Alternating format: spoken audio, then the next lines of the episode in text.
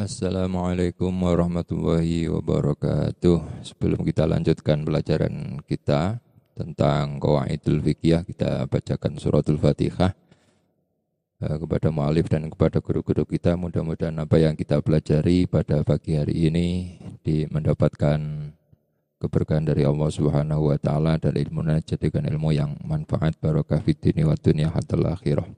Al-Fatihah. Alhamdulillahi rabbil alamin arrahmanir rahim. Iyyaka na'budu wa iyyaka nasta'in ihdinas siratal mustaqim siratal ladzina an'amta 'alaihim ghairil maghdubi 'alaihim waladdallin. Amin. Baiklah kita lanjutkan pada pelajaran kita berikutnya yaitu pada Al-Mabhasus. Pembahasan yang kedua yang berkaitan dengan al-adatu muhakkamah Al-Mabhasu Sani pembahasan yang kedua. Inama tu'tabaru al-ada idat torodat. Adat itu dipertimbangkan apabila mutorid. Konsisten. Jadi sebuah kebiasaan di masyarakat itu akan menjadi pertimbangan hukum jika kebiasaan tersebut berlaku secara kontinu, secara konsisten, tidak berubah-ubah. Kalau berubah-ubah, fa'idat torobat fa'lah jika kebiasaan tersebut berubah-ubah, maka tidak dipertimbangkan di dalam hukum. Wa fi dzalika furu'un. Ya semacam itu banyak sekali cabang-cabangannya. Ya, ini kalau sampean membaca kitab-kitab uh, fikih klasik akan banyak ditemukan ada perbedaan di antara ulama apakah adat itu dipertimbangkan sebagai uh, dipertimbangkan sebagai Eh, pertimbangan untuk menetapkan hukum ataukah tidak. Di antaranya yang disebutkan di sini minha ba'a bidarohim atlako. Jual beli dengan menggunakan mata uang dirham dan dimutlakkan. Dirham yang bagaimana tidak ada. Tidak ada penjelasan, tidak ada koyetnya.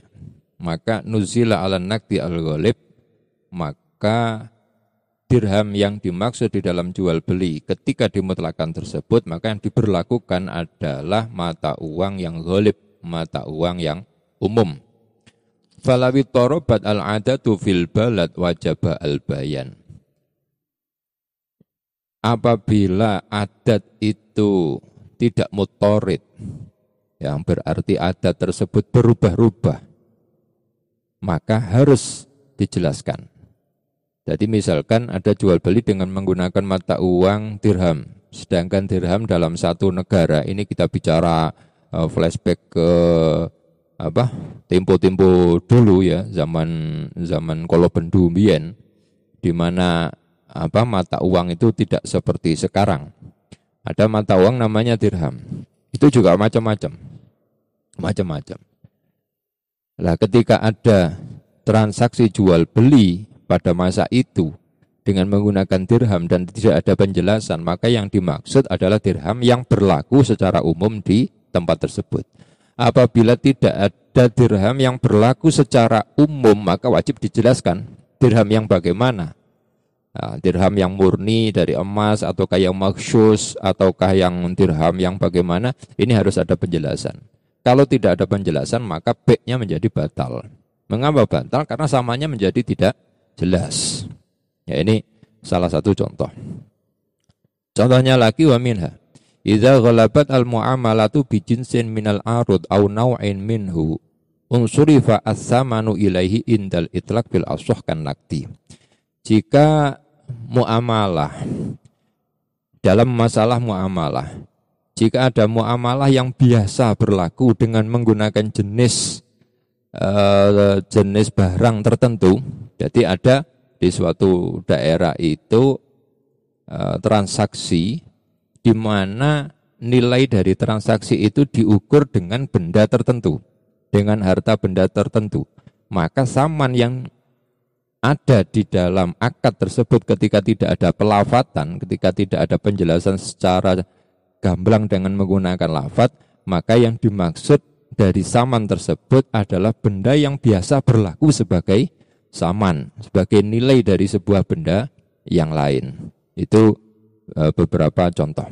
Kalau tidak ada benda yang apa yang semacam itu, tidak ada benda yang golibnya dipakai sebagai sebagai saman, sebagai alat untuk menukar dengan benda yang lain, maka wajib dijelaskan. Lek nggak ada penjelasan, ketika tidak ada penjelasan, maka B-nya akan menjadi batal.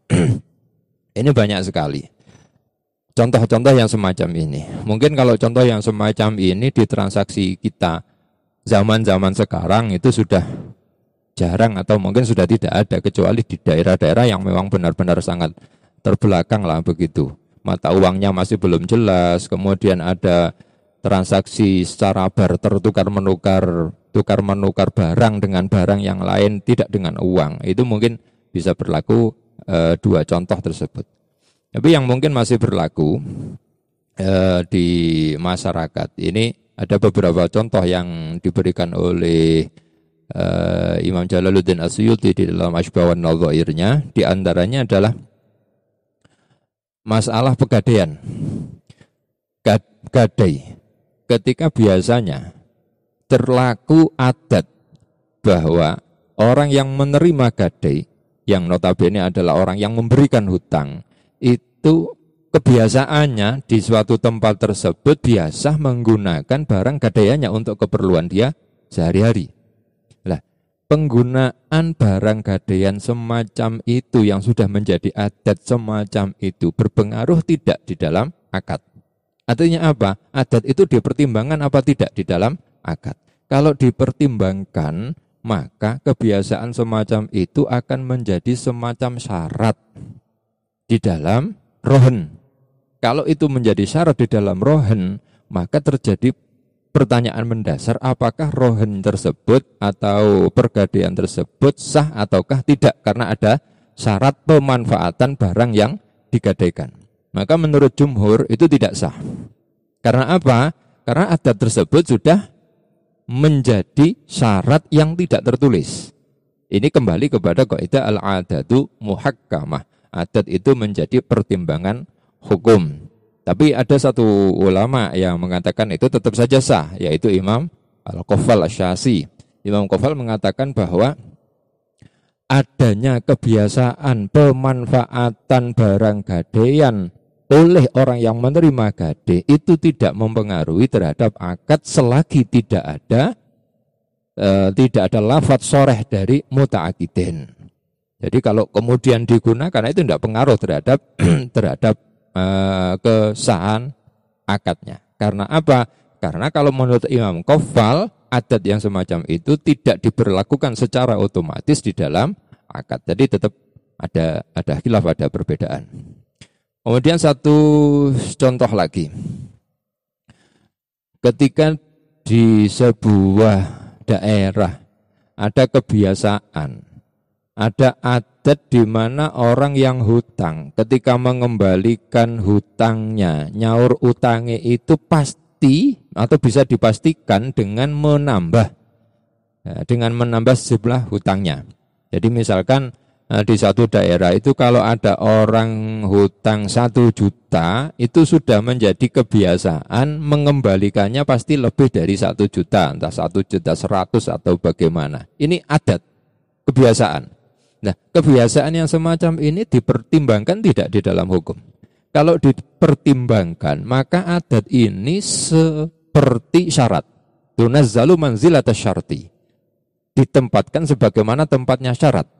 Sehingga sekalipun di dalam akad itu tidak ada lafat soreh dari muta'akidin harus mengembalikan lebih, maka tetap menjadi akad yang fasid. Karena adanya unsur kelebihan dari hutang yang wajib dia bayar yang dalam hal ini akan masuk ke dalam masalah riba. Jadi sekalipun tidak ada lafat, tapi ketika sudah ada kebiasaan mengembalikan lebih, maka mutaakidan itu seakan-akan, ya saya garis bawahi seakan-akan uh, di dalam akad itu ada ada ada sebuah pernyataan yang tidak tertulis yang kalau misalkan dibunyikan itu akan menjadi ini kamu saya beri hutang serat apa satu juta, tapi nanti kamu harus mengembalikan satu juta seratus. Nama ini tidak ada di dalam lafat. Hanya saja ini sudah sudah menjadi kebiasaan. Maka yang semacam ini pun menurut para ulama tunazzalu manzilat syarti. Ditempatkan sebagaimana tempatnya syarat sehingga berpengaruh terhadap sah dan tidaknya akad tersebut. Maka menurut jumhurul ulama ini tidak sah. Nah, tidak sah. Tapi ada pula yang mengatakan tetap sah karena apa? Karena kembali lagi kepada akad itu harus dengan syirat yang jelas. Ini pun juga e, dalam masalah mu'atoh yang kemarin kita bahas juga begitu. Apakah mu'atoh yang sudah secara adat itu berlaku, ada jual beli tanpa adanya tanpa adanya syirat, tanpa adanya lafad dari masing-masing muta'akiden, itu sudah menjadi kebiasaan yang berlaku di masyarakat. Apakah ini juga sudah bisa? Maka itu juga hilaf. Assalamualaikum warahmatullahi wabarakatuh. Sebelum kita lanjutkan pelajaran kita tentang Qawaidul Fikih, kita bacakan suratul Fatihah eh, kepada mu'alif dan kepada guru-guru kita. Mudah-mudahan apa yang kita pelajari pada pagi hari ini di mendapatkan keberkahan dari Allah Subhanahu wa taala dan ilmu jadikan ilmu yang manfaat barokah fid dunya wa dunya hatta akhirah. Al-Fatihah. Alhamdulillahi rabbil alamin arrahmanir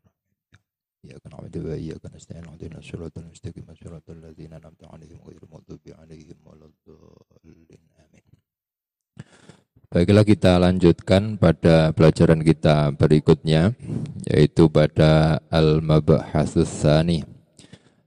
Pembahasan yang kedua yang berkaitan dengan al-adatu muhakkamah. Al-Mabhasus Tsani pembahasan yang kedua. Inama tu'tabaru al-ada idza taradat. Adat itu dipertimbangkan apabila mutorid konsisten jadi sebuah kebiasaan di masyarakat itu akan menjadi pertimbangan hukum jika kebiasaan tersebut berlaku secara kontinu, secara konsisten, tidak berubah-ubah. Kalau berubah-ubah, fa'idat torobat fa'lah. Jika kebiasaan tersebut berubah-ubah, maka tidak dipertimbangkan di dalam hukum. Wa fi furu'un. Yang semacam itu banyak sekali cabang-cabangannya. Ini kalau sampean membaca kitab-kitab uh, fikih klasik akan banyak ditemukan ada perbedaan di antara ulama apakah adat itu dipertimbangkan sebagai uh, dipertimbangkan sebagai pertimbangan untuk menetapkan hukum ataukah tidak. Di antaranya yang disebutkan di sini minha ba'a bidarohim atlaqo. Jual beli dengan menggunakan mata uang dirham dan dimutlakkan. Dirham yang bagaimana tidak ada. Tidak ada penjelasan, tidak ada koyetnya. Maka nuzila ala nakti al ghalib maka dirham yang dimaksud di dalam jual beli ketika dimutlakan tersebut maka yang diberlakukan adalah mata uang yang ghalib, mata uang yang umum. Falawi torobat al-adatu fil balad wajaba al-bayan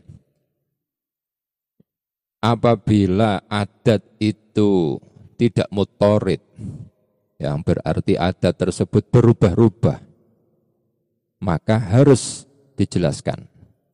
Jadi misalkan ada jual beli dengan menggunakan mata uang dirham, sedangkan dirham dalam satu negara ini kita bicara uh, flashback ke apa tempo-tempo dulu ya zaman zaman kolobendu di mana apa mata uang itu tidak seperti sekarang. Ada mata uang namanya dirham. Itu juga macam-macam. Macam-macam. Lah ketika ada transaksi jual beli pada masa itu dengan menggunakan dirham dan tidak ada penjelasan, maka yang dimaksud adalah dirham yang berlaku secara umum di tempat tersebut. Apabila tidak ada dirham yang berlaku secara umum, maka wajib dijelaskan dirham yang bagaimana Nah, dirham yang murni dari emas ataukah yang maksus ataukah yang dirham yang bagaimana ini harus ada penjelasan. Kalau tidak ada penjelasan maka B-nya menjadi batal. Mengapa batal? Karena samanya menjadi tidak jelas. Ya ini salah satu contoh. Contohnya lagi wa minha. Idza ghalabat al muamalatu bi jinsin minal arud au naw'in minhu unsurifa as-samanu ilaihi indal itlaq bil aswah kan nakti. Jika muamalah dalam masalah muamalah jika ada muamalah yang biasa berlaku dengan menggunakan jenis uh, jenis barang tertentu jadi ada di suatu daerah itu uh, transaksi di mana nilai dari transaksi itu diukur dengan benda tertentu, dengan harta benda tertentu. Maka saman yang ada di dalam akad tersebut ketika tidak ada pelafatan, ketika tidak ada penjelasan secara gamblang dengan menggunakan lafat, maka yang dimaksud dari saman tersebut adalah benda yang biasa berlaku sebagai saman, sebagai nilai dari sebuah benda yang lain. Itu e, beberapa contoh. Kalau tidak ada benda yang apa yang semacam itu, tidak ada benda yang golipnya dipakai sebagai sebagai saman, sebagai alat untuk menukar dengan benda yang lain, maka wajib dijelaskan. Lek nggak ada penjelasan, ketika tidak ada penjelasan, maka baiknya akan menjadi batal. ini banyak sekali. Contoh-contoh yang semacam ini. Mungkin kalau contoh yang semacam ini di transaksi kita zaman-zaman sekarang itu sudah jarang atau mungkin sudah tidak ada kecuali di daerah-daerah yang memang benar-benar sangat terbelakang lah begitu. Mata uangnya masih belum jelas, kemudian ada transaksi secara barter tukar menukar tukar menukar barang dengan barang yang lain tidak dengan uang. Itu mungkin bisa berlaku e, dua contoh tersebut. Tapi yang mungkin masih berlaku e, di masyarakat ini ada beberapa contoh yang diberikan oleh uh, Imam Jalaluddin Asyuti di dalam Ashbawan Nadhairnya di antaranya adalah masalah pegadaian. Gadai. Ketika biasanya terlaku adat bahwa orang yang menerima gadai yang notabene adalah orang yang memberikan hutang itu kebiasaannya di suatu tempat tersebut biasa menggunakan barang gadaiannya untuk keperluan dia sehari-hari. Lah, penggunaan barang gadaian semacam itu yang sudah menjadi adat semacam itu berpengaruh tidak di dalam akad. Artinya apa? Adat itu dipertimbangkan apa tidak di dalam akad. Kalau dipertimbangkan, maka kebiasaan semacam itu akan menjadi semacam syarat di dalam rohen kalau itu menjadi syarat di dalam rohen, maka terjadi pertanyaan mendasar apakah rohen tersebut atau pergadaian tersebut sah ataukah tidak karena ada syarat pemanfaatan barang yang digadaikan. Maka menurut jumhur itu tidak sah. Karena apa? Karena adat tersebut sudah menjadi syarat yang tidak tertulis. Ini kembali kepada kaidah al-adatu muhakkamah. Adat itu menjadi pertimbangan hukum. Tapi ada satu ulama yang mengatakan itu tetap saja sah, yaitu Imam Al-Qafal Asyasi. Imam Qafal mengatakan bahwa adanya kebiasaan pemanfaatan barang gadaian oleh orang yang menerima gade itu tidak mempengaruhi terhadap akad selagi tidak ada e, tidak ada lafat soreh dari mutaakidin. Jadi kalau kemudian digunakan itu tidak pengaruh terhadap terhadap uh, kesahan akadnya. Karena apa? Karena kalau menurut Imam Kofal, adat yang semacam itu tidak diberlakukan secara otomatis di dalam akad. Jadi tetap ada ada khilaf, ada perbedaan. Kemudian satu contoh lagi. Ketika di sebuah daerah ada kebiasaan ada adat di mana orang yang hutang ketika mengembalikan hutangnya, nyaur utangnya itu pasti atau bisa dipastikan dengan menambah ya, dengan menambah jumlah hutangnya. Jadi misalkan eh, di satu daerah itu kalau ada orang hutang satu juta itu sudah menjadi kebiasaan mengembalikannya pasti lebih dari satu juta entah satu juta seratus atau bagaimana ini adat kebiasaan Nah, kebiasaan yang semacam ini dipertimbangkan tidak di dalam hukum. Kalau dipertimbangkan, maka adat ini seperti syarat. Tunazzalu manzilat syarti. Ditempatkan sebagaimana tempatnya syarat. Sehingga sekalipun di dalam akad itu tidak ada lafat soreh dari muta'akidin harus mengembalikan lebih, maka tetap menjadi akad yang fasid.